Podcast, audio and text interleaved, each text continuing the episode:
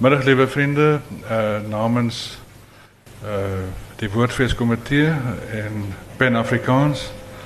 Uh baie welkom vanmiddag hier. Um, ons is hier om Andre Brink te gedenk.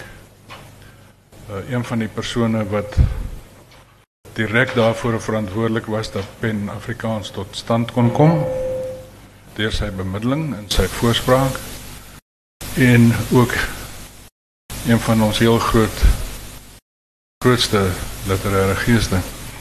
Ehm um, ek gaan nie praat nie. Ek gaan net die mense verhoog toe nooi en ons het 'n klompie van sy vriende en medeskrywers vra om elkeen net ietsie voor te lees uit Andre se ehm um, oeuvre. Uh, in 'n poging om 'n uh, geheel beeld te gee enerzijds van hoe hy geskryf het en wat sy hebbelikhede was. En aan die ander kant ook net om die tekste waarvoor ons lief is net 'n slaggie in die lug te kry. Ehm um, Karina, would you please come forward and, and Thank you so much. Thank you for having us. Um, and thank you for celebrating Andre's life and work with us. I'm going to read a little bit of his criticism about one of the most important books in his life, and then I would like to read to you um, tiny excerpts from our letters, and I will explain why I'm reading them today. But first, the criticism. This is from the book, the novel, Language and Narrative from Cervantes to Calvino, um, and from the essay, The Wrong Side of Tapestry, Cervantes Don Quixote. In the opening chapter of Don Quixote, as one of the most enduring adventures of literature is about to begin, the hidalgo of the story, verging on 50, of tough constitution, lean bodied, thin faced, and a great early riser and a lover of hunting, is depicted within the double space of his world, the drab reality of his house and his library, which consists for the most part of books on knight errantry. This library has almost literally replaced the Hidalgo's real world. He has sold most of his property in order to buy the books. So irrelevant is the reality of the place he lives in that the narrator does not even deign to divulge the name of his village. And of the man himself, we are informed only that they say that his surname was Quijada or Quesada. The only names in this chapter, with the sole exception of the village barbers, that are assigned with any certainty to individuals are those of knights, heroes, and giants of the Hidalgo's books. And the main action of the opening situation is constituted by processes of naming of his horse, his lady, and himself. As an unmistakable extension of these processes, we are told of his attempt to make a helmet, fashioning a visor from pieces of pasteboard. When a single sword blow demolishes in a moment what has taken him a week to make, he patiently sets about reconstructing the visor, and this time, not caring to make another trial of it, he accepted it as a fine jointed headpiece and put it into commission. This act of faith, on which all his future adventures, encounters, and ordeals will be predicated, is synonymous with his choice of worthy names for Rosinante, Dulcinea, Don Quixote de la Mancha. In each case, the name is more than a mask for a paltry reality. What really happens is that in each case, the name transforms what is into what may be. It is the condition of what the world and generations of readers will come to call his madness. And having set the stage for himself, Don Quixote can now take the decisive step, riding, as it were, out of his home and into language. Some of you might know that Andre and I met in December 2004. What many of you might not know is that we became a couple on the 14th of March in 2005, which is exactly a decade ago. We met in Paris that day and we had 10 beautiful days together. Once we returned home, we wrote letters to one another, and what I'm going to, be, to read to you are uh, tiny excerpts from these first two letters. This is me on Friday, 25th of March 2005 in the evening. My love, my only dearest Andre, here we are back in the realm of words again, but everything is different now because we know that everything is real between us. Our words are extensions of ourselves. We exist in them and through them, and we know we can do as we say. I miss you. You have given me the most beautiful and precious days of my life. I am back home with my family and within my commonplace surroundings. I cannot say that I'm unhappy here, but I do not feel complete anymore without you. I do not want to be without you anymore. I love you, Andre. Oh, how I love you. You're Karinaiki. The next day, Andre responded in the evening My angel, my Karina, my love. I don't know how I am going to get used to this. All day long, something in me keeps reaching out towards something which feels so close, yet out of reach. My very body feels out of reach. For, de- for 10 days, I have come to discover my body through yours, to define and know myself through you, to understand my thoughts through you, and now the world seems empty and alien. I know I will get used to that other way of living again. One has to in order to survive. But it is hard right now. What gives me courage to face it is what you said in your so lovely letter that now we know that everything is real between us. Our investigations no longer are a form of fantasizing, but of making the real more real. These past 10 days have been a living miracle. I really don't think I have ever felt so fully alive in my life. There is something, when there is love, which only a woman can give to a man, and that is a kind of innocent arrogance, which I don't mean in any negative sense of all, because the key word is innocent. I cannot and do not want ever to deny anything that has happened to me in my life, but you have rest- restored my innocence. I think that is the only way I can put it, and it comes from knowing you, knowing in every subtle sense of the word, and from entrusting all of me to you, and to find in you a happiness and a fullness I have not known for a long time. This is love. It is the deepest, truest essence of love, and it comes from our sharing. All my love is just a way of thanking you for everything you have given me, for the inimitable gift of yourself, for all the you-ness of you. Karina Magdalena Szturek, I love you. Andre. Thank you.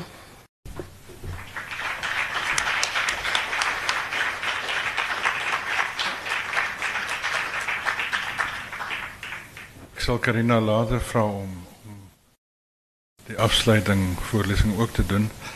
Ehm um, Andre was deur die jare iemand met 'n baie onderskeidende palaat en 'n goeie aptyt. En van al die mense wie se kos hy geëet het, was hy waarskynlik die trotsste en het hy die meeste gepraat oor die van sy dogter Sonja. En ek sal graag vir Sonja vorentoe wil roep om ook 'n stukkie voor te lees uit die Blou Huis. Oor die blou deur. Now the story says Emily as she snuggles into her own small red bed. Which story? You know, the one of the three little men. Where's the book? It's not in a book, silly, she laughs. It's your story. For a moment I'm stumped. Tell you what, tonight you tell me the story of the three little men. You and Tommy can take turns to see who knows it best. It takes a while before they accept. Emily begins. Once upon a time, there was a long, thin white house, and in the house there lived three little men a little red man, a little blue man, and a little yellow man. It is a strange sensation, an echo from a very distant past. I grew up with this story, which my father used to tell us, but I haven't heard it for years, and I'm not sure that I can remember it properly. But now I want her to go on, and it is as if the story itself is drawing me into its undulations. It is like entering a place I have forgotten and only gradually rediscovered as my own. The little red man sleeps in a little red bed, says Emily. A little blue bed, corrects Tommy. A red bed. A blue bed. A red bed, stupid. I think they only get mixed up later in the story, Tommy. I gently intervene. A blue bed, he shouts, sitting up just like mine. Red, blue. Let's see what happens if it's red, I propose. No blue, Daddy. At this point, Sarah comes in. She looks amused but tired. How are you? she asks from the door. Tonight it's our turn to tell the story, Emily says. But Tommy keeps changing it, and he's stupid. You're stupid. Let Tommy try, Emily, says Sarah. Then we can see what happens in his story. But it'll be all wrong, the girl argues, red in the face with indignation. Stories needn't be the same every time, says Sarah. It's nice if you don't always know what's going to happen next. But I want to know what happens next. Why don't we hear how Tommy tells it? And you can tell it your way, and then Daddy can tell it the way that he likes it. She smiles slyly. And then we can have a vote and see which one we like the best. What's a vote? asked Tommy. It's a red thing with yellow spots, says Emily, and it gobbles you up if you don't listen properly. Mummy, wails Tommy. All right, you tell us about the bed, Sarah quickly suggests. Before Emily can interrupt, he reels off with an air of impish ignorance. The little red man slept in a little red bed, and the little yellow man slept in a little yellow bed. And the little blue man slept in a little blue bed. And from there, Emily takes over the story, and it runs its course as it slowly comes back to me from childhood, with the little men building a boat and dragging it out to sea, and a dolphin arriving to take them to the other side, where they visit a little orange woman, and a little green woman, and a little purple woman, and in a small black house. And then the dolphin comes to take them home, but in the dark and in their tiredness after a long day, they tumble into the wrong beds and cannot sleep the little red man and the yellow bed, the yellow one in the blue bed and the blue one in the red bed, until someone thinks of putting on the light and they discover their mistake, and each little man gets into the right bed, and they all sleep happily until daybreak.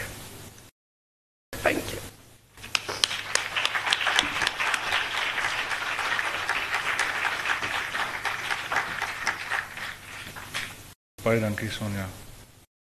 Ehm um, een van Naas se oudste vriende en hy is nou nie op sy eie ouderdom wat ek sin speel nie, maar van die in terme van dieete van vriendskap is Naas Steenkamp. Naas kan jy 'n bietjie vorentoe kom? Ek weet vir almal wat vorentoe stap sê die die hoogste trappie is effens skeef, so dit is ook net vir Sommiges van julle sal dit gehoor het, miskien selfs by my. Maar ehm um, toe die ENCA nuuslesertjie die berig lees van Andre se se dood.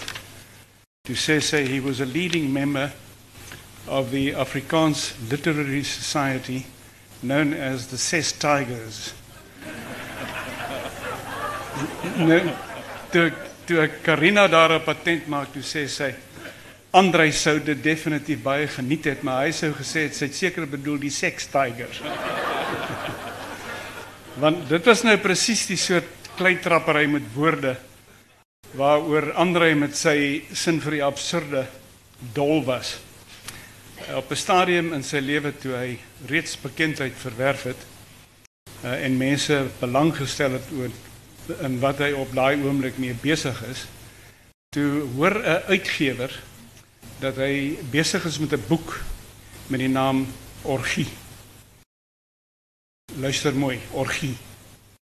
Nou Andre het in daardie tyd bekendheid verwerf ook vir 'n paar jeugverhale.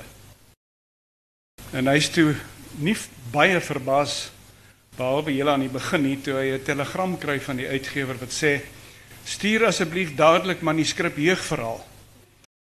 Want die uitgewer het die orgie gelees vir orgie. En daai misverstand oor of dit orgie of orgie is, kry jy tot vandag by al die dames van CompuTicket wat vir jou sê daar's 'n manier meneer vir die woordfees twee kaartjies vir orgie. Nou, die van julle wat daar was sal weet dat orgie nou nie eintlik 'n jeugverhaal is nie. Ek wil nie aan aanhaal uit uh, gepubliseerde werk van ander nie, maar uh, soos Karina eerder eh, 'n uh, greppie uit sy korrespondensie in 'n tydperk toe hy reeds naam gemaak het, maar veral bekend begin raak het as uh, die enfant terrible van die Afrikaanse letterkunde. Hy was self baie ongemaklik met hierdie simplistiese voorstelling. En in Mei 1965, pas voor sy 30ste verjaarsdag, skryf hy in 'n brief wat eintlik baie raar is vir die onthulling van 'n geringe mate van selftwyfel by die persoon wat om daai pragtige woorde van Karina te gebruik, um innocent arrogance as 'n kenmerk gehad het, pragtige begrip.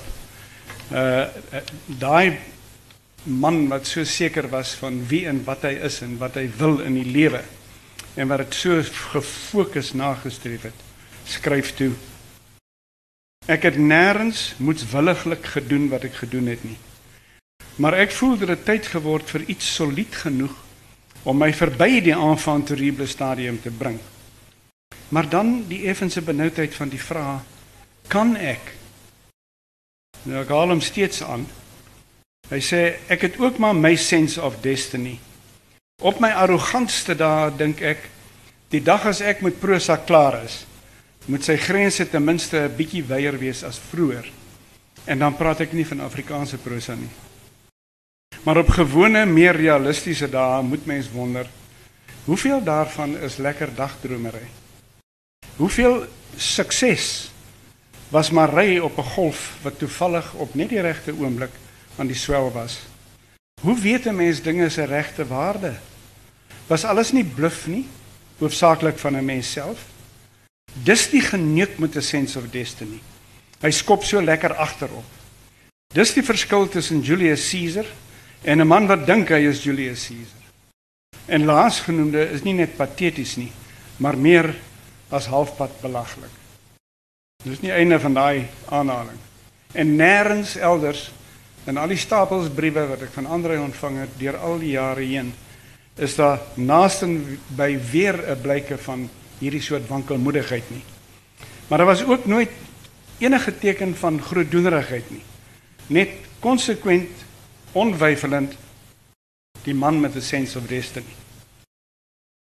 Nou op die vooraand van sy en Karina se vertrek België toe baie onlangs nog 'n vraag kom oor die boek waarin hy aan het werk was en hy sê toe met 'n suggie net twee woorde waarin ek op daardie oomblik geen voorspooksels aangevoel het nie. Hy sê onklaar helaas. Onklaar. Daar kan dit van sy lewe gesê word. Dalk nie. Vir hom sou hy heen gaan met 'n onklaar geskrewe boek seker ontydig gewees het. Maar 'n mens vermoed ook dat daar altyd maar 'n onklaar boek sou gewees het dat hy hoegenaamd in hierdie laaste paar jaar kon produseer. 'n Paar jaar waarin hy siender oë afgetakel geraak het. Is danksy die engel in sy lewe. Karina hulde ook aan haar. Dankie.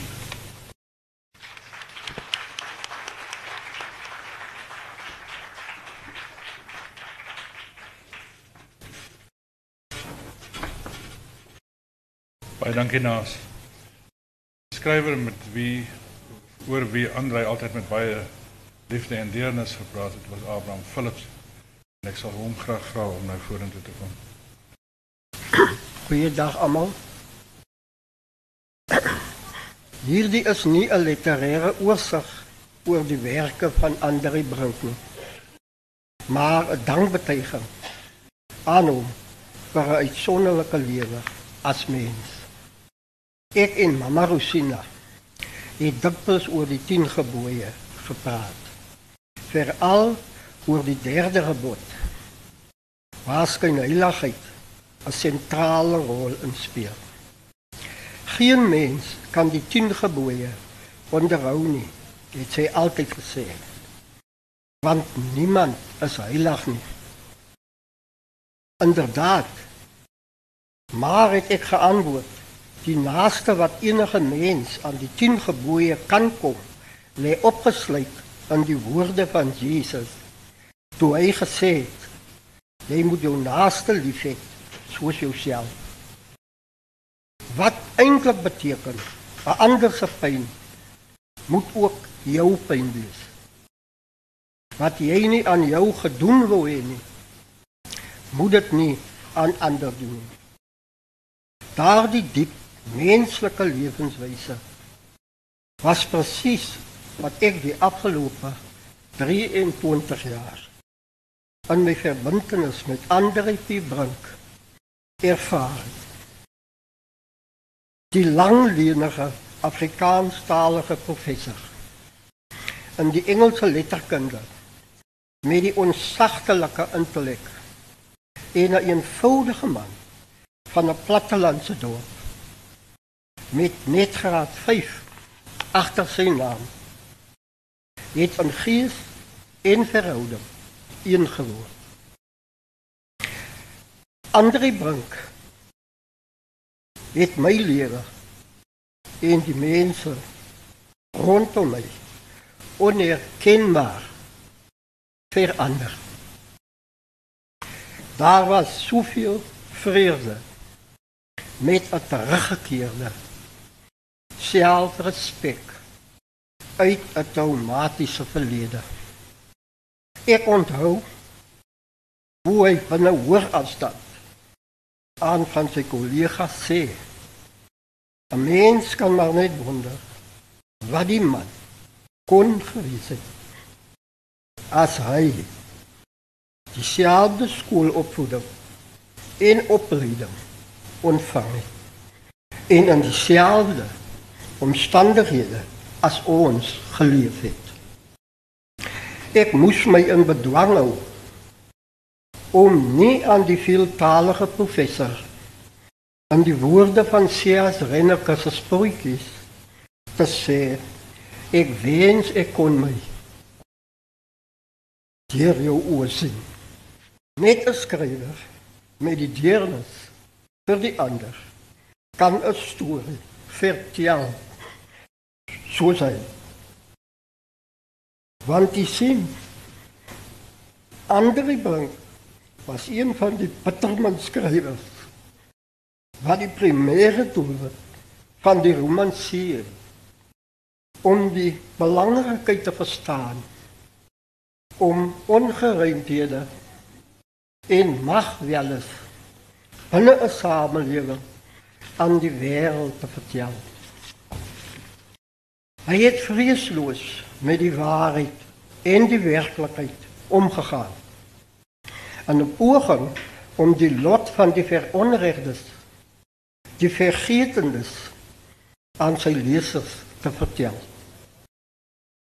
Sy siel is op elke bladsy van boeke soos Die Ambassadeur, Orgie, Inteendeel, 'n droë wit seisoen en vele van sy ander werke. Die titel van 'n ander boek lees Kennis van die aan. Wat 'n geweldige verwysing na die inhoud is dit nie.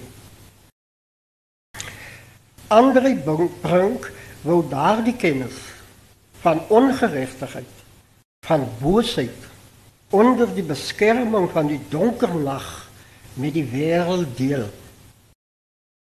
Deur die mag van die geskrewe woord. Soos net hy kan te gebruik. Toe hy in een paragraaf aan die wêreld vertel hoe Frans op gewelddadige wyse die slaven vulle dag verkrag was dit Andre Brink op sy allerbeste. Sy vertelling rondom die lyding van Philida is niet die van een mens, maar die vrouw minach. Of zoals een van zijn andere werken rondom die menselijke conditie sentimenteel Een Integendeel, dat is juist de vertelling van een diep gevoelvolle mens, waar die lijden van ander zijn eigen gemaakt heeft.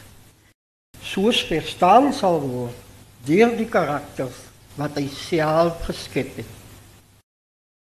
Want u sien, hy het geweet daardie toneel van die verkrachting so werklik sal dit wie voordat want u sien, hy het geweet om daardie toneel van die verkrachting so werklik en wreed as moontlik te beskryf.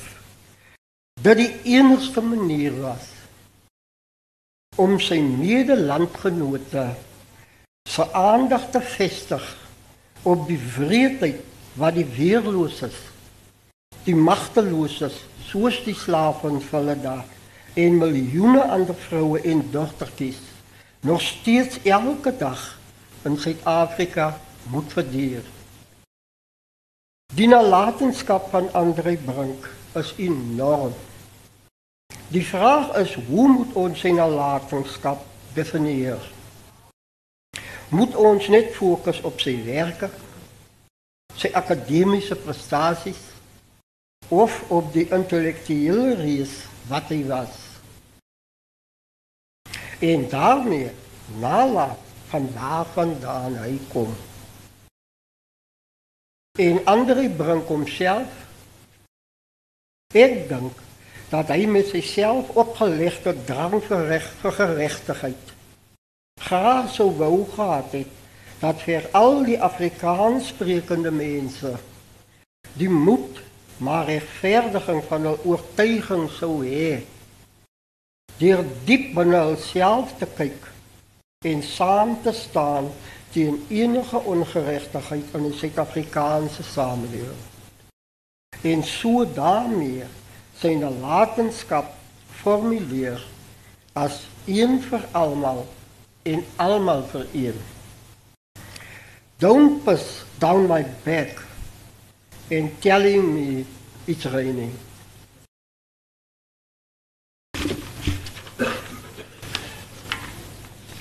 Hy sou u graag ook wou herinner aan die reaksie en houding van die prins van 'n getraumatiseerde volk, Juda ben Hur. So it so it shall be every one of us only live once. Op die woorde en waarskuwings van die Romeinse goewerneur Pontius Pilatus. There is no such a thing as absolute freedom. I am the hand of Caesar. Every grown man knows the world he lives in. When I walk up that stairs, you shall be crushed. Met die voorwoord van die verdwaalde land openbaar Andre P. Brink waarom hy so 'n geliefde mens was onder mense soos ek self. Ek haal hom aan. Die posstempel op die breinpapierpakkie was woester. Binne was 'n oefenboek gelineer met swart harde band met die hand beskrewe in blou balpunt ink. Op die voorste skutblad was woordeliks die volgende brief Geagte prof Brink, die karakter Ronnie wat in die verhaal voorkom en die skrywer van hierdie brief en verhaal as een en dieselfde persoon. Dit is 'n ware verhaal en geen fiksie nie. Die behandeling van die breingemeenskap in die storie is werklik soos Ronnie, wat ook die skrywer se derde naam is, dit geondervind en mee saamgeleef het. Behalwe vir die van Majafi, is al die karakters hul eie name. Prof Brink, soos u sal sal lees as ek maar staan ek 4 by die skool. Dis my handskrif en spelling nie altyd reg nie. Maar ek vra u asseblief om die storie sorgvuldig en met geduld deur te lees en waar woordspellings wat verkeerd is reg te maak. Ek het baie van u gelees. Daarom het ek besluit dat u die enigste mens is om die storie na te stuur en om 'n boekvorm te probeer uitgee. Mag die Here u seën. A Philips Binne die eerste paar bladsye was dit duidelik dat die nugter swart skryfboek 'n ongeslypte diamant was. Diamant nie oor die glans en dierte daarvan maar oor sy helderheid, sy hartheid, vir al sy onopgesmukte skokkende direktheid en oor die feit dat hy uit die aarde self kom. Dit is kortom die soort dokumentasie van ons land se mees onlangse geskiedenis. Waarvan 'n mens moet kennis neem as jy dit die toekoms in wil waag. Oor die afgelope dekades is daar nie net in Suid-Afrika nie, maar oral drasties en tydig begin hersien aan ons oorgelewerde konsep van geskiedenis. Waar dit vroeër en nog steeds in ons skoolboeke gegaan het om die opteken van die doen en late van die leiers van 'n samelewing, die sigbares op die oppervlak, die konings en generaals en hervormers en diktators, as daar deesdae 'n al groter erkenning van die noodsaak om kennis te neem van die gewone mens, van diegene wat tradisioneel nie geskiedenis maak nie, maar dit ondergaan. En dit is presies wat Abraham Philips in hierdie geskrif dokumenteer. Dit gaan hier om wat Pieter Bloem die donker gatkant van die maan genoem het. Gaan om daardie naamlose voor wie brug en zijn geweldige dag. Vraag van een lezende werker zijn lichtwerk. Wie heeft daarbij met zijn zeven torens gebouwd? In die boeken staan die mama van konings. Het die konings die rotsblokken zo'n toegesleept en die, en die zo dikwijls verwoeste Babylon. Wie het dit soveel kere opgebou? En watter huise van die goudstralende Lima het die bouwerkers het die bouwerkers gewoon? Waarheen het saans toe die Chinese muur klaar was, die muurbouers gegaan? Die groot Rome is vol triomfo. Wie het hulle opgerig? Oor wie het die Caesars getromfeer? Het die veel gesproke Daishantian net paleise vir sy inwoners gehad? Die jong Alexander het Indië verower, hy alleen. Caesar het die Galliërs verslaan, het hy nie minstens 'n kok by hom gehad nie.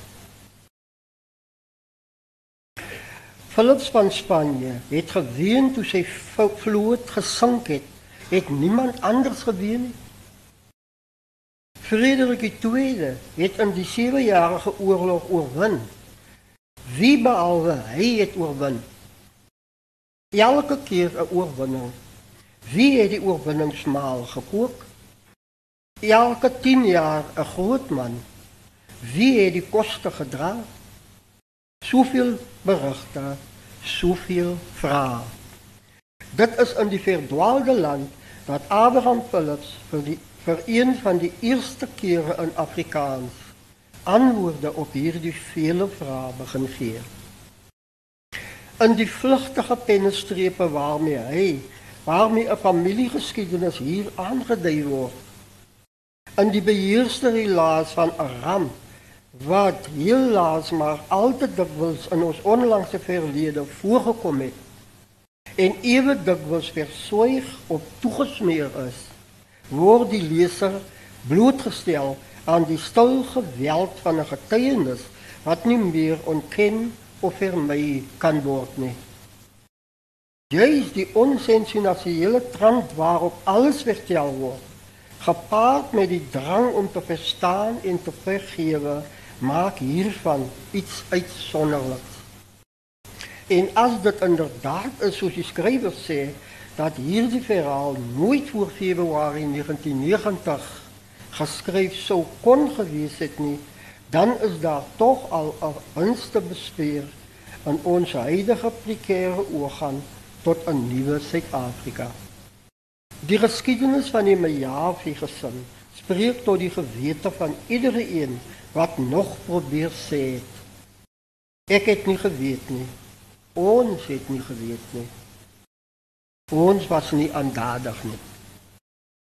Wat van die relaas 'n bykomende dimensie verleen is die toenemende gewaarwording soos die soos die leser dieper in die kolk van die teks ingesuig word dat agter die soektog na 'n verdwene enkeling en na die feite rondom sy verdwyning 'n ander soektog voltrek word.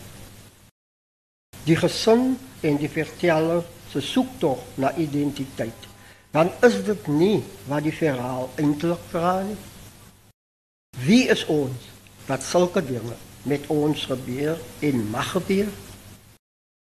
Binne 'n uur nadat ek die manuskrip die eerste keer deurgelees het, het ek Hetty Skols van die uitgewer uit Kwelerie geskakel om aan te dring dat sy ook daarna moet kyk.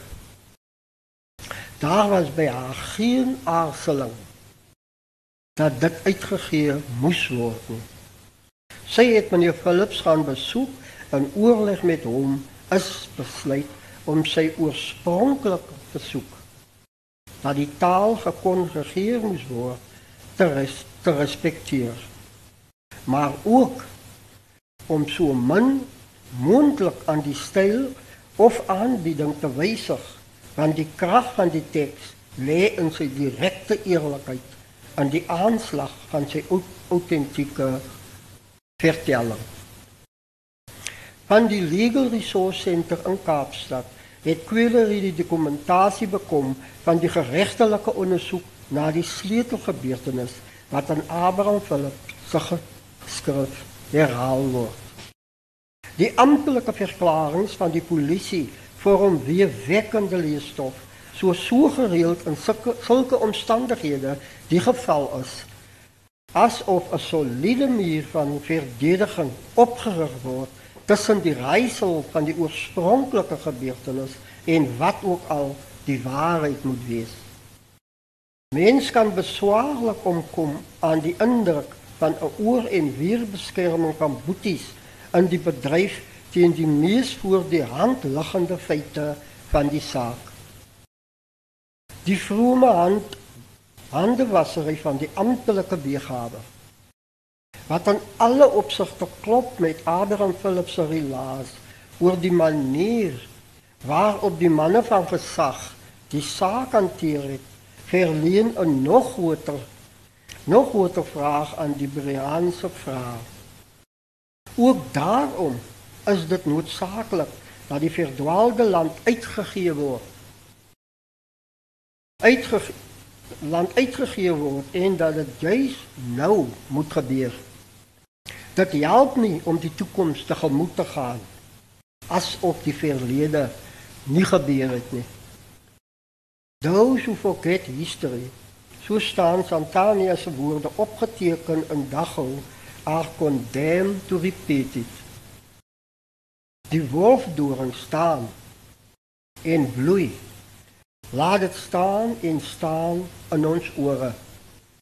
Andre P. Brink, Kaapstad, April 1992. Dankie.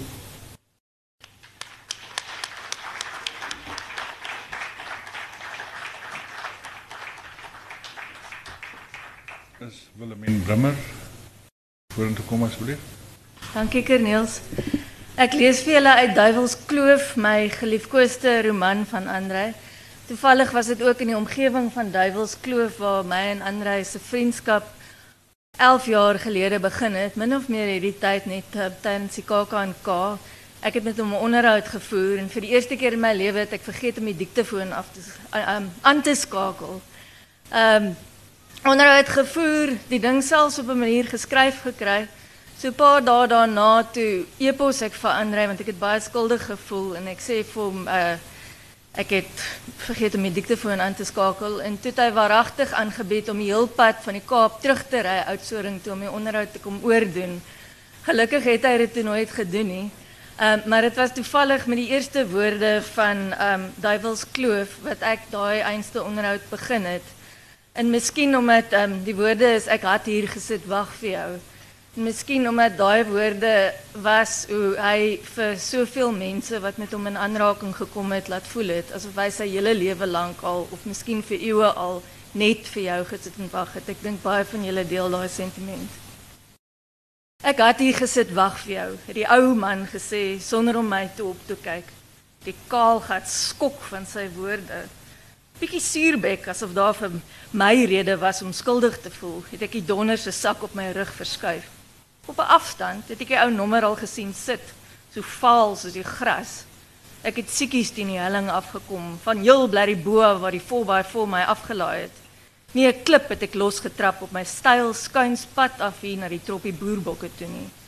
Daar was wat my betref glad geen geluid om die ou baas te waarsku nie. Met die son van regs bo val my skaduwee heel die kant toe. Maar hier sit die maar ou bliksem op sy rif. Oudtyd se rug en sy vel broek en onderbaadjie met die flapperige breë rand hoed op sy kop. Gatkant na my toe, gesig ver weg aan die uitstaar oor die lengte van die diep kloof. En hy sê so wragtig, asof hy my fucking heelpad gesit en dophou het. Ek het hier gesit en wag vir jou. Ek het my hand uitgesteek. Flip Logner, oom, toevallig ook 'n joernalis. Ja, ek weet mos. Die ou fokker het nog altyd ander pad gesit en kyk en ek moes maar weer bek af my hand laat sak. Jy kom so ver in die sneeu. Om ons die bergwêreld gelê in stowe in die laat die bakoond. Ek het met 'n hemdsmou sweet afgevee. "Sneeu, oom?" het ek katvoet gevra. "Ja, jy nie gesien hoe wit lê die berge nie." Beter maar diplomaties wees. Ek uh, kan my indink hoe koud dit hier in die winter moet word. Die hele lot verkleim. Hy het sy velbaadjie stywer om sy seeningryf getrek, asof hy die koue kon voel.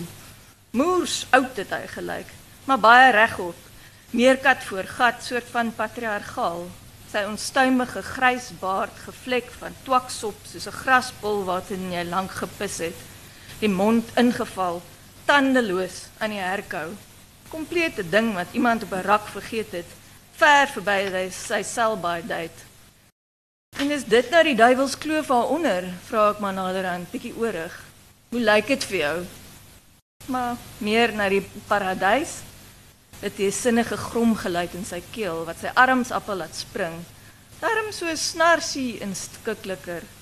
Ons het altyd gesê Arm en Eva moet hier gewoon het. Voor die Here hom vir hulle geërg het.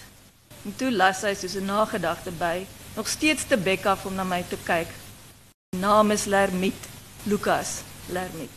Baie dankie.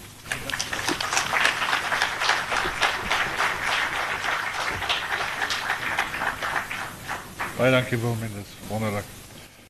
Ehm um, volgende, net vinnig. Dis Abraham de Vries, baie ou vriend, medeskrywer. Raam asseblief.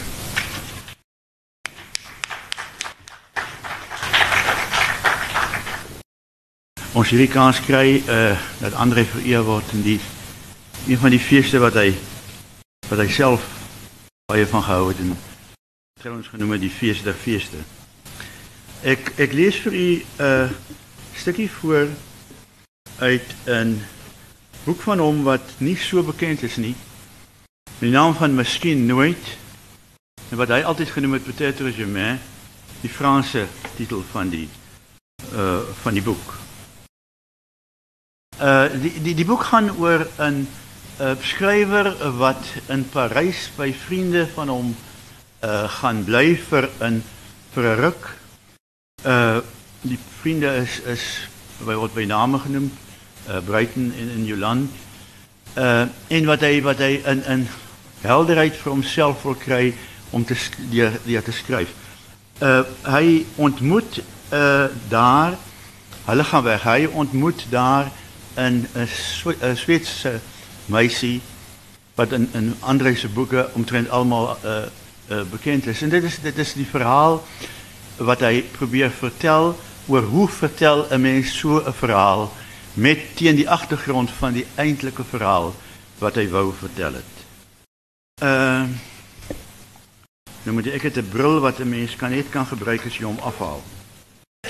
Maar daardie nagte in die hart van Julie was ek teen wil en dank ook gewerp in 'n ander soektog. Wat met die film niks te doen het nie. Al beïnvloed dit nou ook die vorm van my film. Hierdie ander soektog was subtieler en meer vergeefs. Die soektog in my geheue na 'n lang gestorwe beminde.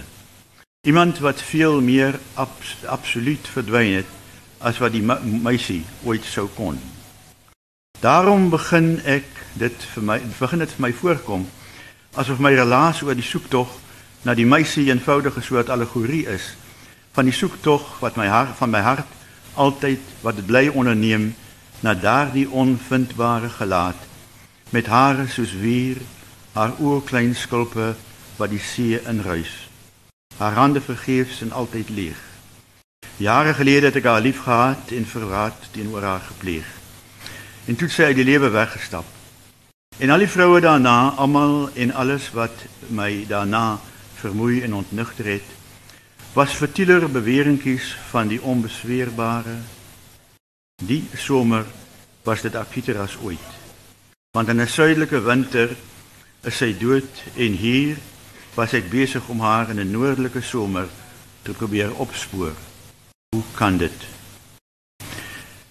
Ek onthou die verjaarsdag van haar dood die treurigste dag van my somer en hoe ek die nag soos 'n verdwaalde oog deur die stad geloop en kyk het.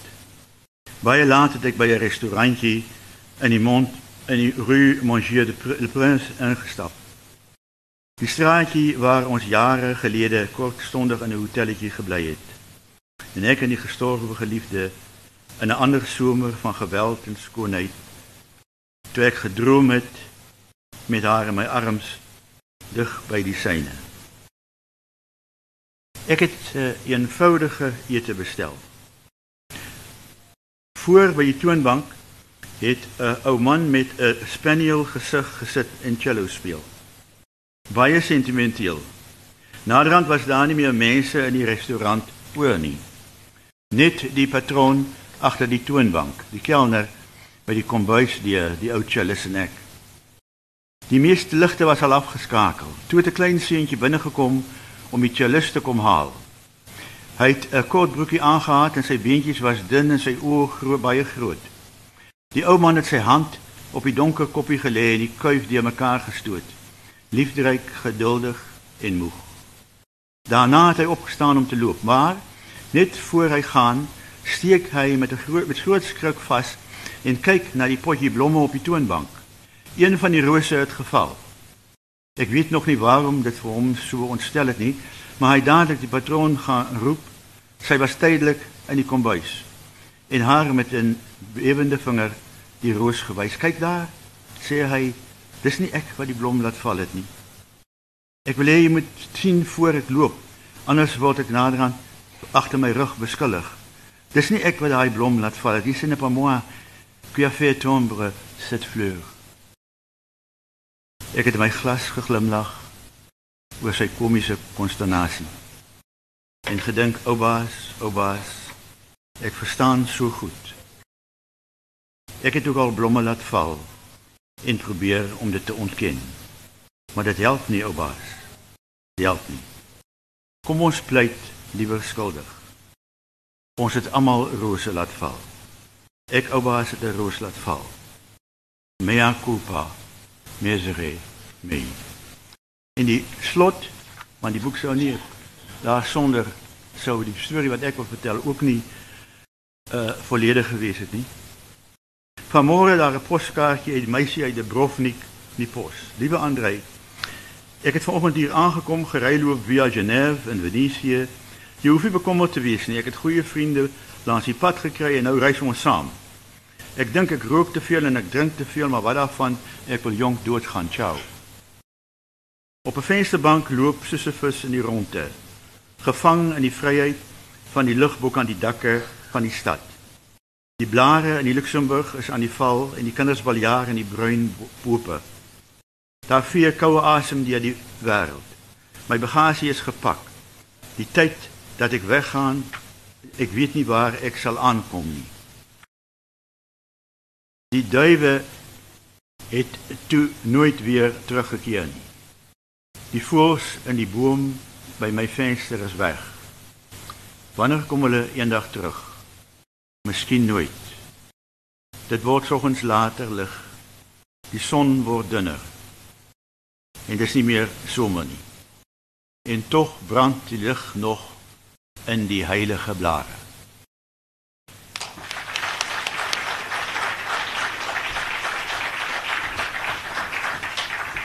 Baie dankie Bram.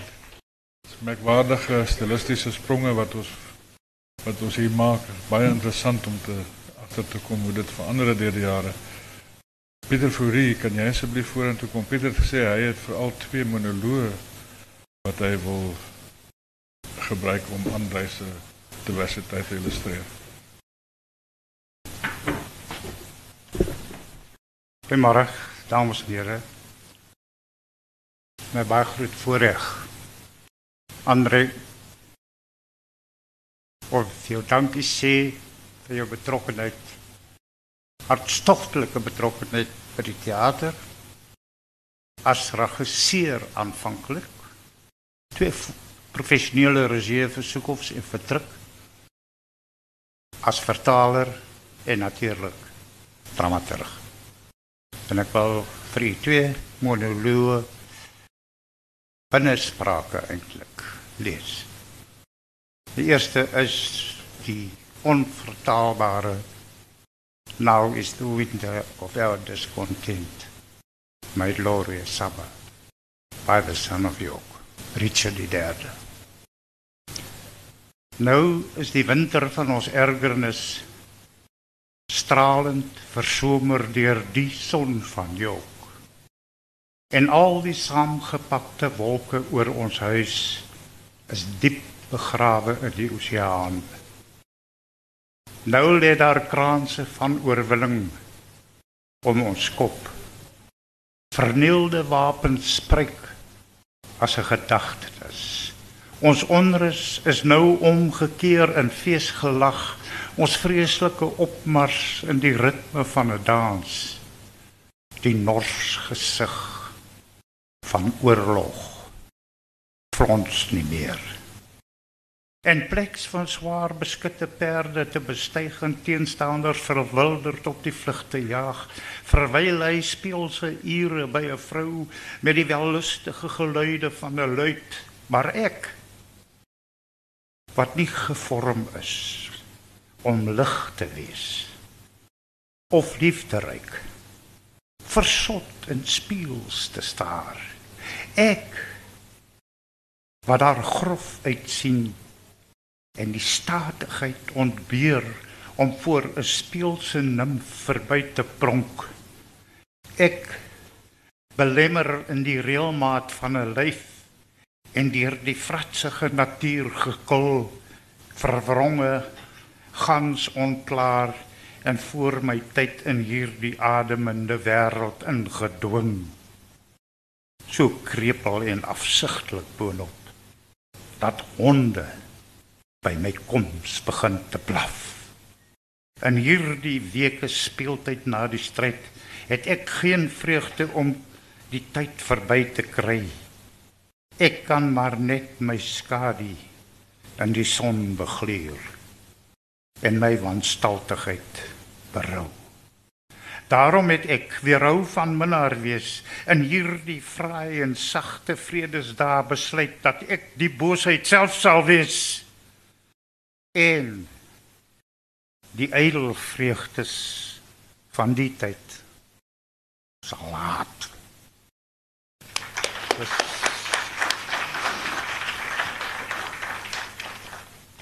Sy dame vertaling sit hy veral vir ons drie sterk nalatenskappe gelaat. Richard die derde Cyrano de Bergerac, En natuurlik Playboy of the Western World as Bobas van die Boende. Nou was Shakespeare Richard open met 'n alleenspraak eindig Andrei die jogger met 'n alleenspraak. En Kilian Kolonel Kilian en Richard is voels van een riviere as dit kom by mag. Ek lees vir u Kilian se monoloog teen die einde van die jogger. En die naam en hy is nou al kwai aan die eil en deur mekaar en en die naam van my volk ons is verontreg by slagters nek Ons is bedrieg en verneg, maar ons het oorwin by bloedrivier by Majuba. Die leiding van vroue en kinders meer as 26000 in die kampe. 'n Eeu van onreg opgestaan uit die dode. En sit in die regte land van God, die almagtige Vader, van waar hy sal kom om te oordeel. Ek het myself groot gemaak met my eie twee hande. Nou noem sy my 'n monster. Die plaas se naam was Knoppies Doringkloof. Of iets in die voege. Huilboerboon en wilde sering. Kafferwag 'n bietjie papierbas kan nie dood onkruid vergaan nie. Agter ons kom ook in die kraal. Die duiwel se oorkassing. Op 'n man se toetse strand was hy so sek geword het. Mens kon nooit genoeg oppas nie. Hulle beloer jou. Weet jy kom of gaan. Almal is teen my. Die hele wêreld het teen my gedraai. Die geskiedenis het my verraai. Maar hier staan ek nog. Ek kan nie anders nie. God help my. Ek het my lewe lank bly hardloop. Niks kon my keer nie. Anders het die ander my ingehaal. Nooit 'n oomblik se rus nie net af en toe oor my skouer geloer en gekyk om seker te maak bang vir wat ek daar gaan sien. Want hy is daar 'n resies wat nooit ophou nie. God op aarde nooit. En jy word moeg. Die Here hoor my. Jy word moeg. Maar jy moet aanhou. Nooit ophou nie Net aanhou, aanhou. Onthou jy's 'n boer, het oupa Renier gesê. Vir sê vir sover jy dit aan een van die geringstes gedoen het, het dit nie aan my gedoen nie. Maar daardie aand kon ek niks anders onthou nie. Ek was te moeg. Hy het altyd vertel oupa Renier het altyd vertel hoe hulle saam gespeel het op die plaas toe hy klein was by die spruit plei ons gemaak. Al die plase wit en swart seuns kinders saam. Kaal gat geswem en klei laat gegooi en ketties gemaak en voels geskiet. Maar was nooit kak van enige aard nie. 'n boer maak 'n draai die God van vlee. Verreg soos 'n moer wie die laaste lag huil die langste. Voor in die waapad brand agter ons.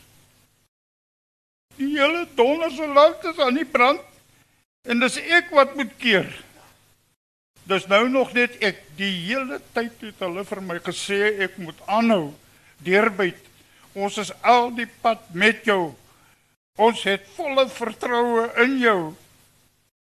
Waar is hy vandag?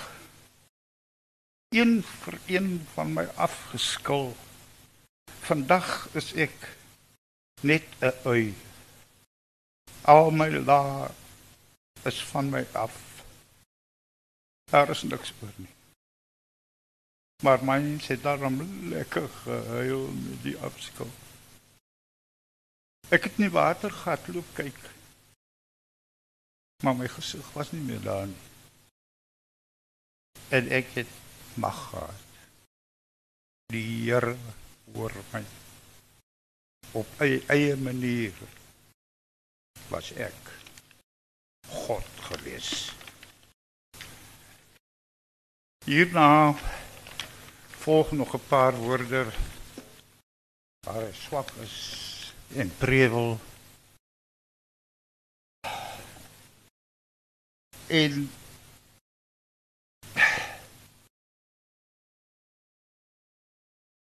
probeer verontskuldig, ontkennend, verwytend, selfbejammerend, maar eintlik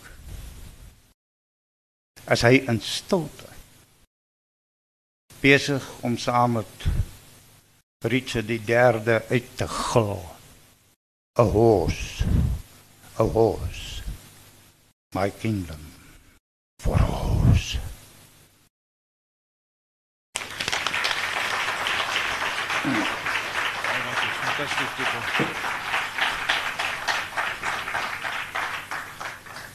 Baie dankie Pieter. Die Pieter het nou die vertaling aangesny en ek dink Antjie jy wil ook daarbey aansluit. Hulle maak nie meer skrywers soos Andre nie. Ek wonder wie van ons skrywers wat vandag lewe kan soveel tale praat en sal selfs gaan deelneem aan die spelkompetisie in Nederland om te wys hoe goed is ons Nederlands. Ek voel altyd karig as ek aan hom dink. En dan het hy ons lewens verryk met dit wat hy ook vertaal het. Ek weet net ek ek dink ons hardloop uit tyd uit so ek sal maar wil net 'n stuk lees van die nimf, die silwerige lim- nimf wat dan uh, uitvaar teen Sancho Panza. En ek weet nie eens hoe om Don Quixote uit te nie. Ek ken nie Spaans nie. Ek haal asem in die hierdie verrykte 60ers se nalatenskappe. Sy spreek Sancho aan. Miserabele agterryer wat net soveel siel het soos 'n erdekruik met 'n hart van kurk en 'n ingewande van klip. Skaamtelose dief. As jy beveel was om van 'n hoë toring af te spring, as hulle jou gevra het, jou vyand van die menslike geslag, om 'n dosyn paddas, twee dosyn akedisse en drie dosyn slange te eet, as hulle jou gelas het om jou vrou en kinders met 'n swaar dood te maak, dan sou dit niemand verwonder het as jy teensinnig was nie. Maar om so te kere te gaan oor 3300 houe, dit verstom almal wat daarvan hoor.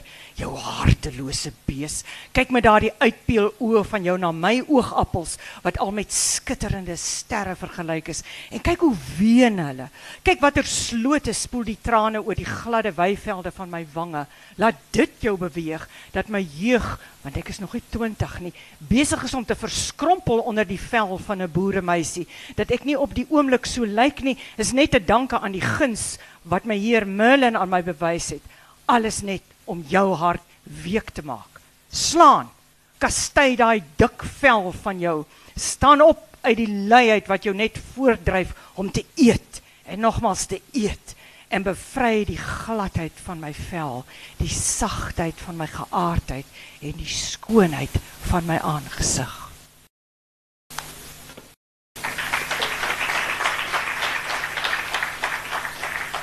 Ek het ehm ehm saam met Andre die gedigte van Ingrid Jonker uh vertaal en ja, dit was op sy eie 'n hele ander ervaring. Ek wil net ehm klein stukkie lees en dan die gedig daarvan lees en en alles kom eintlik by mekaar hier die. Hy praat ook op 'n stadium in hierdie inleiding van hom by that time she had already met the Flemish painter Herman van Nazareth who was to become one of her last lovers. Ehm um, goed, ehm um, en dan ook aan Abraham de Vries wat hom gebel het om te sê dat Ingrid uh selfmoord gepleeg het. One particularly stormy episode still haunts my memory. It was a night in December. I was to drive home to Grahamstown very early the next morning An argument arose. It became unbearable. Near midnight, beside herself with rage, Ingrid ran out of the apartment, screaming that she was going to kill herself. By this time, I was so tired and had heard the threat so many times that I did not believe it. But an hour later, a stranger brought her back to the door. She had tried to jump in front of his car. We were both in shock. For hours we talked and cried and slowly found our way back, as always, to caring and forgiveness and love. And then, exhausted, I went to sleep. Ingrid stayed awake and on the narrow porch outside the room, with her small writing pad on her lap, wrote the moving poem, Plant Me a Tree, Andre. Nou die gedig is anders opgegee na ander maar in die vertaling het ons nou alles gehou soos wat Andre dit onthou. Plant me a tree, Andre. Plant me an oak tree so that I can recognize my shape and the squirrels can bury their acorns here. Give me a dog with paws I can kiss at night while you sleep wrathful and well. Don't let them chop down my tree uproot, revile, or splinter it. Grant it a heaven with acres of blue acorns. Make me an open house so that my windows may discover the day green or gold or grey but well shaped. Grant that my dog may love me, that I may give him food to stuff himself while you sleep beyond the stars and mirrors of my forehead. En Andre uh, ag Abraham het nou gelees dan het hy aangehaal uit haar werk dig by jou arms in die sen. So ek lees net die Nee, o fok, okay, ek kry dit nie. Goed. Ek gaan uh wil afsluit met twee gedigte. Ons het baie hard gewerk uh om Ingrid se ritme te behou wat in Afrikaans so opvallend was om dit te behou in die Engels wat iemand soos Jack Cope hulle nie gedoen het nie. Hulle het volledig dit Engelse gedigte gemaak en ons het gevoel die So ek gaan Bitterbessie dragbreek lees. Bitter Bitterberry Daybreak. Bitterberry Daybreak, Bitterberry Sun. A mirror has broken between me and him. I try to find the highway, perhaps to run away, but everywhere the footpaths of his words lead me astray. Pine would remember, pine would forget. However much I lose my way, I step on my regret. Parrot colored echo tricks me, tricks me on until I turn beguiled to retrieve the mocking song. Echo gives no answer, he answers everyone. Bitterberry daybreak, bitterberry sun.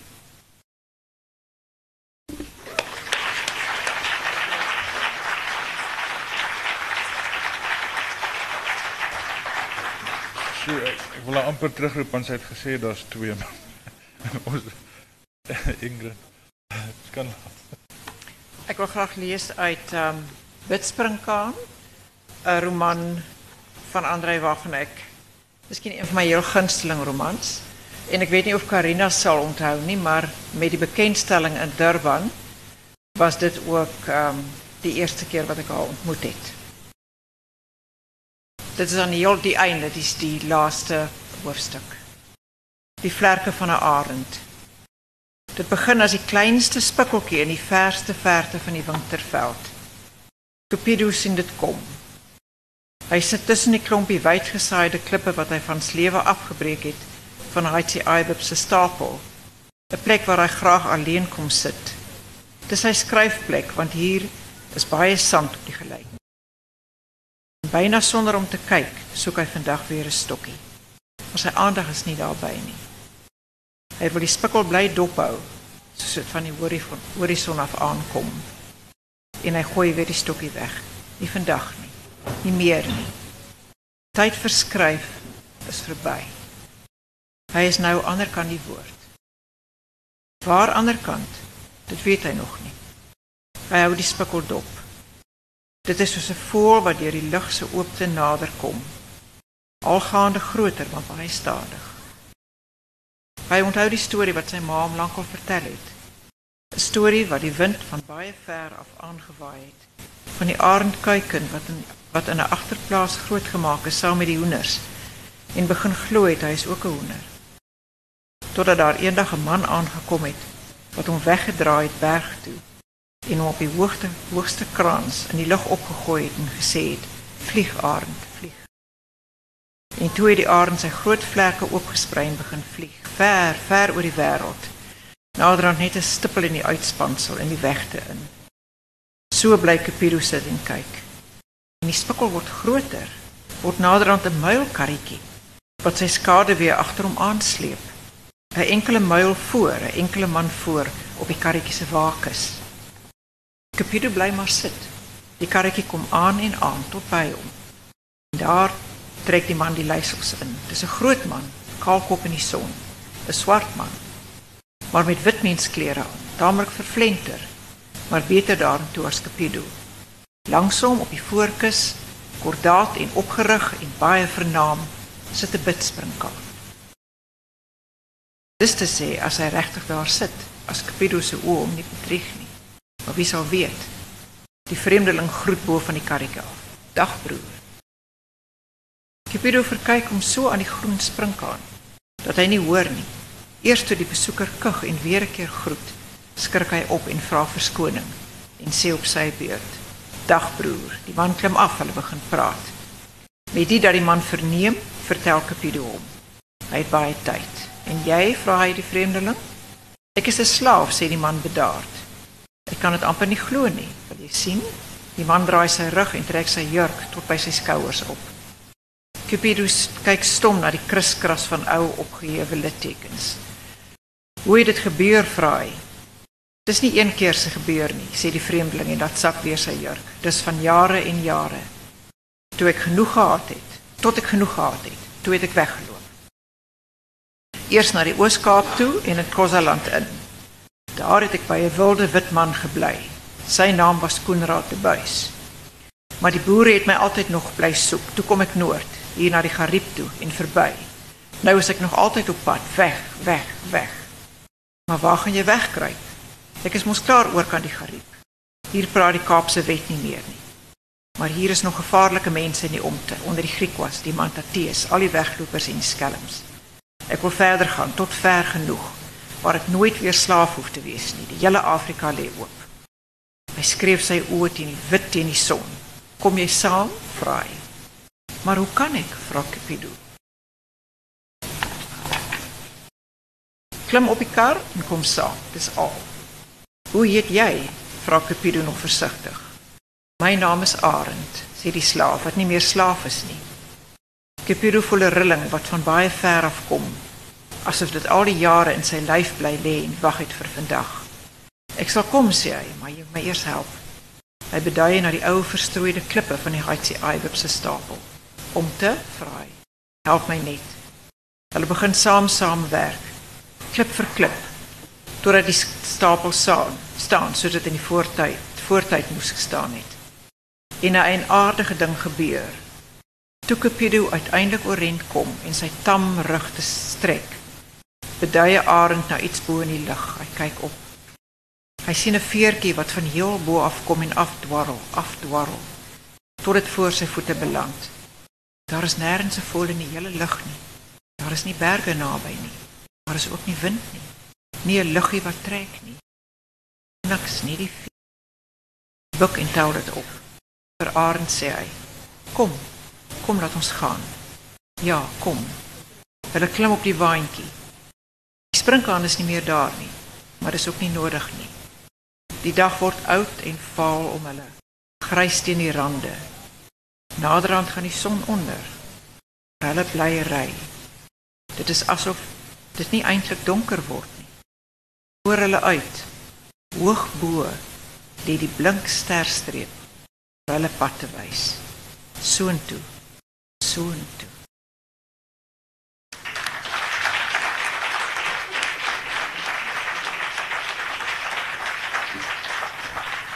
Baie dankie Ingrid.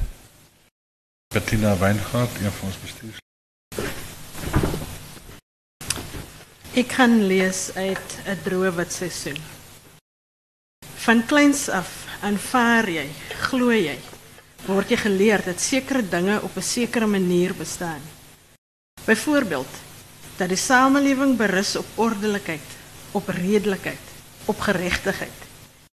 En dat as iets verkeerd loop, jy 'n beroep kan doen op mense se regverdigheidsin, op gewone ordentlikheid en dat dit reggestel kan word. Maar dan gebeur wat Melanie gesê het en wat ek nie wou glo nie. Jy ontdek dat wat jy as beginpunte aanvaar het en moes aanvaar om in die lewe te bly, gewoonweg nie bestaan nie. Want waar jy 'n soliede ding verwag het, is skielik net niks. Agter koop mekaar se vol hoogtes en afstande is daar net 'n leegte.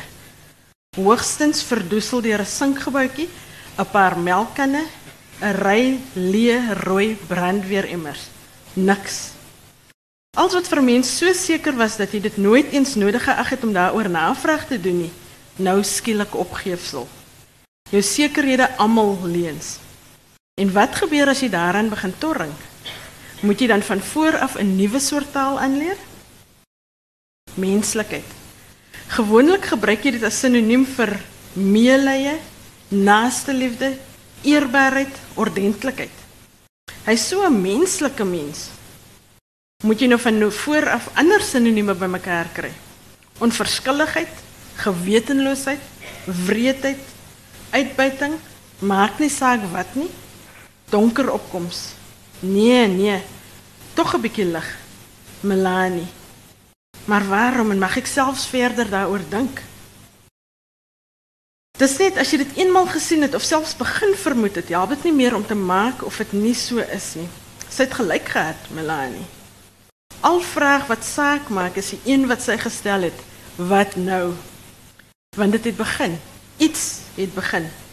'n Soort skoon prul beweging. Basiese. Iets het gebeur. Ek het iets gedoen. Iets het teen my gereageer. 'n Groot lomp logge ding het begin roer. Is dit wat my verlam?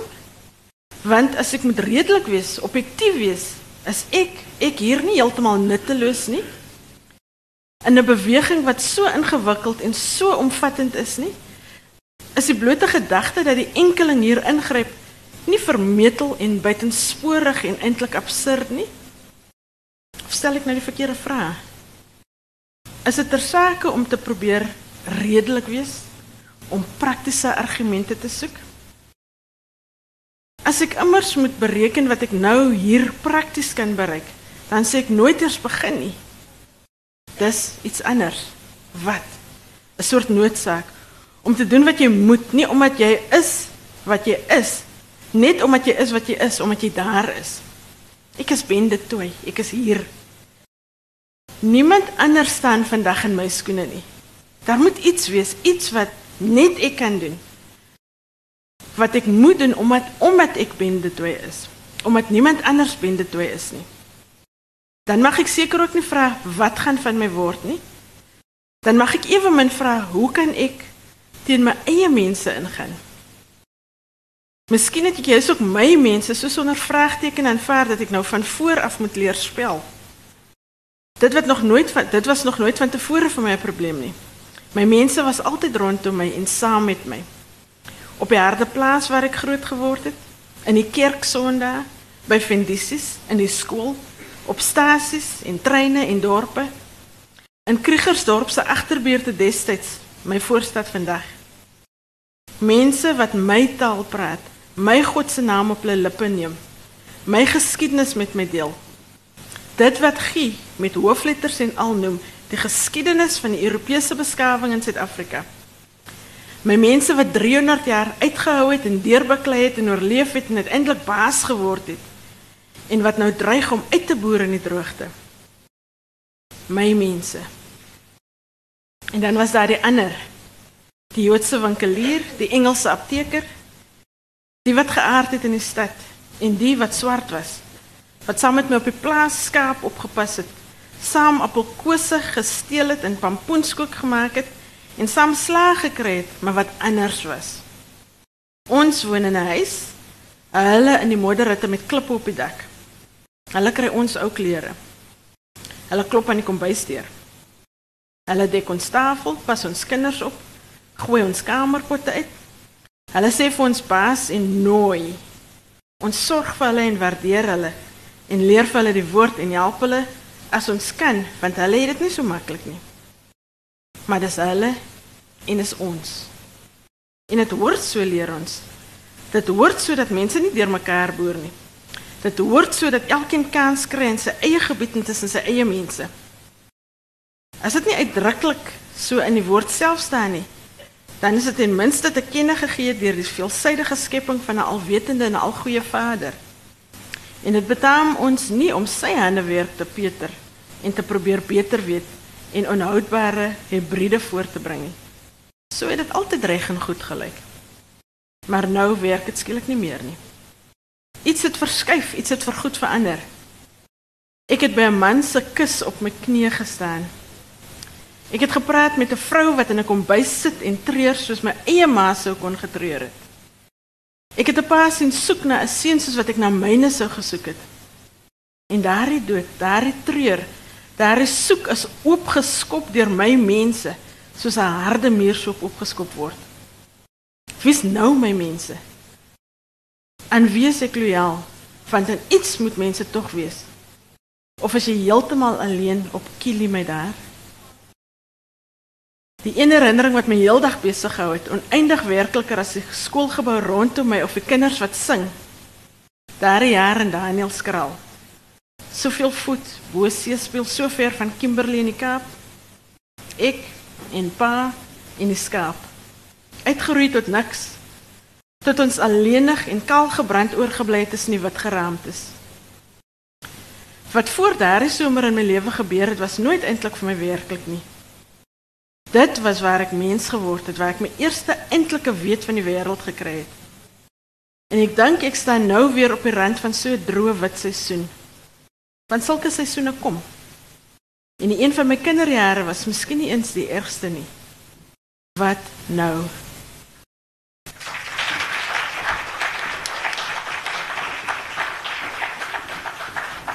Ons is ons is die einde Hetty uh.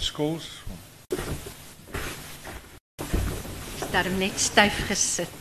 Ek lees graag vir julle ehm grepe uit 'n skets van Andre waarin hy 'n beeld van 'n mens optower wat geen biograaf hom kan nadoen nie. Die titel is Huis in Parys. Huis is in Parys, deel van 'n amper wêreldreis. Dit is nie met voorbedagte rade dat die sinnetjie so aan die rym gegaan het nie. As huis in die buurt is, dan peel daar ryme en assonanse en alliterasies op die mees onverwagte plekke uit, soos weeluise in 'n goedkoop hotelletjie. So 'n maand gelede het hy uit Londen gebel, baie haastig, want hy kon net 'n 3 kwartier praat. En ons het afgespreek oor sy koms. 2 en 'n half weke na die afgesproke dag en datum het hy Parys binne gery gekom. In style sê hy in 'n vernuweerde maar onsterflike ou Volkswagen wat hy in Londen gekoop het. En hy is vergesel van twee leiwagte sy seun Tyler en 'n joernalisvriend. Vandat hy hier aangekom het, lyk en ruik en proe Parys anders. Van elke ding word so lig lig poesie gemaak. Hy loop soos 'n terglustige Midas deur die stad en slinger versreels teen die geute, strooi ryme oor die strate, rank die Luxemburgtuin toe met beelde tower vokale en konsonante uit die wolke of sy maagpyn op. Want hy is soos die soutmeeltjie wat nie kon ophou meel nie. Omal nie. The loneliness of the non-stop talker. Het Guy Butler dit eens en altyd gediagnoseer. En iemand anders het onlangs beweer, Uyskrige is probably the only man who can run a mock sitting down. Hy self het een keer met 'n glips van die tong na sy pratery verwys as 'n psigosemantiese kwaal. Dis nie sommer so pratery nie. Uise praat is 'n fugale konstruksie met terugkerende temas. En daar word selde minder as 5 of 6 onderwerpe te gelyk hanteer. Soos gister, toe hy by my aankom en die Afrikaanse vertaling van Siloan se pragtige Fontamara op my tafel sien lê. Nou, toe nou sê hy. Net eergister kry ek 'n brief van Siloan om te vra wanneer die boek verskyn. Is dit 'n goeie vertaling? My bundel van die Suid-Amerikaanse digters is nou klaar. 20 jaar gelede al, maar hy kom nou eers uit. Ek het jou mos gesê ek sit met 18 ongepubliseerde boeke in my laai. En wanneer kom ek weer aan iets nuuts? Die drama wat ek wil skryf. Ag Here, wat word daarvan? Snaaks, weet jy? Ek droom deesdae weer so baie. Maar jy sou nou dink dat ek droom oor die groot drama wat ek nog gaan skryf of die akademiepryse wat ek van die hand wys en so. Maar nee. Nag vir nag droom ek ek speel vir die Springbokke. Dit wys jou net. Maak my skoon aangedaan. Party mense word mos glo heiliger as hulle ouer word, maar ek word net heiliger. Terloops, ons het nog nie klaar gepraat oor Startjie se biografie van Rimbaud nie. Daardie gedoente van die kommunes, God, dit is 'n stuk geskiedenis wat jou hare oorent laat staan. Selfs myne en ek het nie eens meer hare oor nie. Waar was die dae toe ek so bosgoue krulle gehad het, hè? Waar's die sneeu van voorverlede jaar? Mens word oud, jou kop word kaal. Net al meer plek vir die akademiese om op te kak. Maar sê my, wat was ek besig om te sê? Jy praat ook so baie dat ek nie kans kry om 'n woordjie tussenin te sê nie. Ek wou nog vir jou vertel hoe moeg ek is, man. Ek wil nou terug huis toe. Ek is mos geen Europeër nie, ek is 'n Afrikaan. Waar op aarde kry jy 'n taal soos ons inne? 'n Skroppie nie vir jou 'n pragtige Afrikaanse woord nie. Ja. Ai, Fontamara, ja. Dis die soort boek wat ons in Afrikaans moet hê. Julle mense skryf mos nie meer sulke deesdae sulke boeke nie. Hierdie hedendaagse gevoeter sonder karakters en behoorlike stories lyk my sommer verspot. En dit is toe eis sy klassieke uitspraak oor die moderne prosa maak. Kyk, sê hy. As jy my onderste bo in 'n klein huisie ophang en jy gee vir my 'n potlood in my linkerhand en laat my op nat toiletpapier skryf, dan skryf ek nog 'n beter boek as hierdie nuwerwetse potjies. En toe kom sy seun Tyler vir hom haal, want hy is weer 'n paar uur laat vir 'n afspraak. Oor 'n paar dae gaan hy weer voort. Maar Parys sal nog weke bly nagalm van sy woorde. En in mense se winterse hart sal sy sonnetjie nog baie lank bly nasmeel.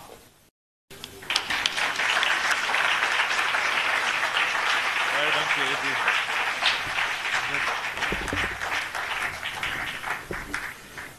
Dani, wat het Pieter Bloem gesê van Yskrige die seun met die goue boude? ons is ons is by die einde. Ek wil net vir almal baie dankie sê wat gekom het en almal wat bygedra het. Ons het wonder hoe ons die program sal afsluit en ek het vir Karina gevra of sy nie vir ons iets kan voorlees uit 'n uh, virk in die pad nie en ek het dit self gekies omdat ek as uitgewer so baie met Andre gesels het oor die kritiek wat daar op sy boeke uitgespreek is en al die jare die ou oneindige gechommel oor die van resensente oor die vroue figuur by Brink en so aan en hy het nooit eintlik die moeite gedoen om te antwoord nie maar uiteindelik het hy tog en op 'n allerwonderlike manier en ek sal graag vir Karina vra om net die twee dingetjies voor te lees. Ehm um, dit is in die heel laaste hoofstuk van 'n virk in die pad. En die laaste hoofstuk soos julle weet is 'n epiloog, 'n brief aan Karina. En daarin haal hy aan uit Eldridge Cleaver ehm um, se se boek Soul on Ice. I don't know if you could just read Beverly's words and then his answer, maybe just the first. No, it's, Yes, yeah. yes. Can you see? I think a lot of you in the room will know these words because I know that Andre sent them out to all his friends and loved ones because he always, these words resonated with him and he used them often and he always hoped that people would understand and answer. What an awesome thing it is to feel oneself on the verge of the possibility of really knowing another person. Can it ever happen? I'm not sure. I don't know if any of two any two people can really strip themselves that naked in front of each other. We are so filled with fears of rejection and pretense that we scarcely know whether we are being fraudulent or our real selves. And the answer I seek a lasting relationship, something permanent in a world of change, in which all is transitory, ephemeral, ephemeral sorry, and full of pain. We humans, we are too frail creatures to handle such titanic emotions and deep magnetic yearnings, strivings, and impulses. The reason why two people are reluctant to really strip themselves naked in front of each other is because in doing so, they make themselves vulnerable and give enormous power over themselves to one another. How awful, how deadly, how catastrophically they can hurt each other, wreck and ruin each other forever. How often indeed they end up by inflicting pain and torment upon each other. Better to maintain shallow, superficial affairs. That way, the scars are not too deep, no blood is hacked from the soul. You beautifully Oh, how beautifully spoke in your letter of what an awesome thing it is to feel oneself on the verge of the possibility of really knowing another person. And I feel as though I'm on the edge of a new world. Getting to know someone, entering that new world, is an ultimate, irretrievable leap into the unknown. The, the prospect is terrifying, the stakes are high, the emotions are overwhelming. In human experience, only the perennial themes can move us to such an extent death, birth, the grave, love, hate.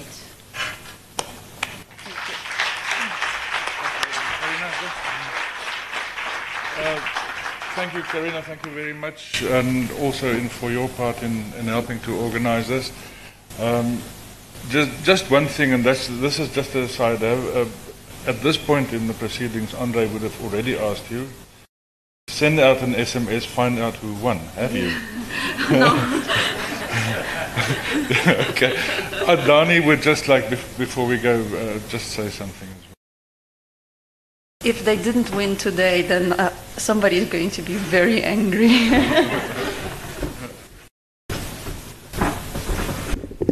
Mense net 'n baie laaste kort woordjie. Verskriklik baie dankie vir almal wat gekom het. Dit was vir my baie spesiaal om na julle te luister en ek dink regtig um Andrei sou baie hiervan gehou het. Um een laaste ding, ons het en dit is ook in die gees van van Andrei se nalatenskap wat ek hierdie aankondiging wil maak. Ons wil baie graag 'n 'n gespreksreeks 'n reeks oop gesprekke onder die penvaandel aan die gang kry. Ek het die laaste tyd gereeld met met prof Sam Pieter Blaans gepraat en hy het vertel van watter ongelooflike invloed die Degenaar gespreksgroep, die van Sails Klabbert gespreksgroep gehad het. En ek voel um uh, dit is tyd dat ons ophou om uh, om snedig met mekaar te wees uh, in internet digitale kommentaartjies of sogenaamde threads onder posts. Dink is 'n uh, baie baie die die tyd is ryp dat ons mekaar weer in die oë kyk en uh, en saam beklei oor dinge. Nou uh, ons hoef nie saam te stem nie, maar ons wil graag op die 25ste Maart in Wellington wil ons gesels oor of daar nog 'n Afrikaanse boek kan wees wat die soort impak kan maak nou as wat kennis van die aand gemaak het en of 'n mens moet hoop daarop. En en wat dan nou die plig of die idee sou wees van 'n Afrikaanse skrywer nou wat wil betrokke wees? Is dit maar net 'n parochiale letterkunde wat ehm um, ego in 'n klankdigte nis of uh, kan ons nog regtig saamgesels in 'n groter nasionale en selfs 'n internasionale konteks? Breiten Breitenberg het ingewillig om daaroor te praat. Uh Adam Small het gesê dat hy ook met hom sal gesels en ek en Bettina Weingart gaan so 'n paar idees gee en dan is die kruit geopen, dan kan ons verder saam stry daaroor. My oom het altyd gesê wie die naaste wat die Afrikaners ooit aan eenheid gekom het is toe hulle saam kat geskiet het oor die reëling op pad na Sint Helena of Ceylon toe. Ehm um, dit is miskien hoe dit moet wees, maar ek dink ehm um, dit is hoogtyd dat ons 'n bietjie weer uh, saam stry en koppe stamp oor sekere dinge. Baie dankie dat julle gekom het. Eh, soos Abraham Philips gesê het, een vir almal en almal vir een. Geniet asseblief nou saam met ons 'n wynkie en klinke glas op Andre se lewe. Thank you.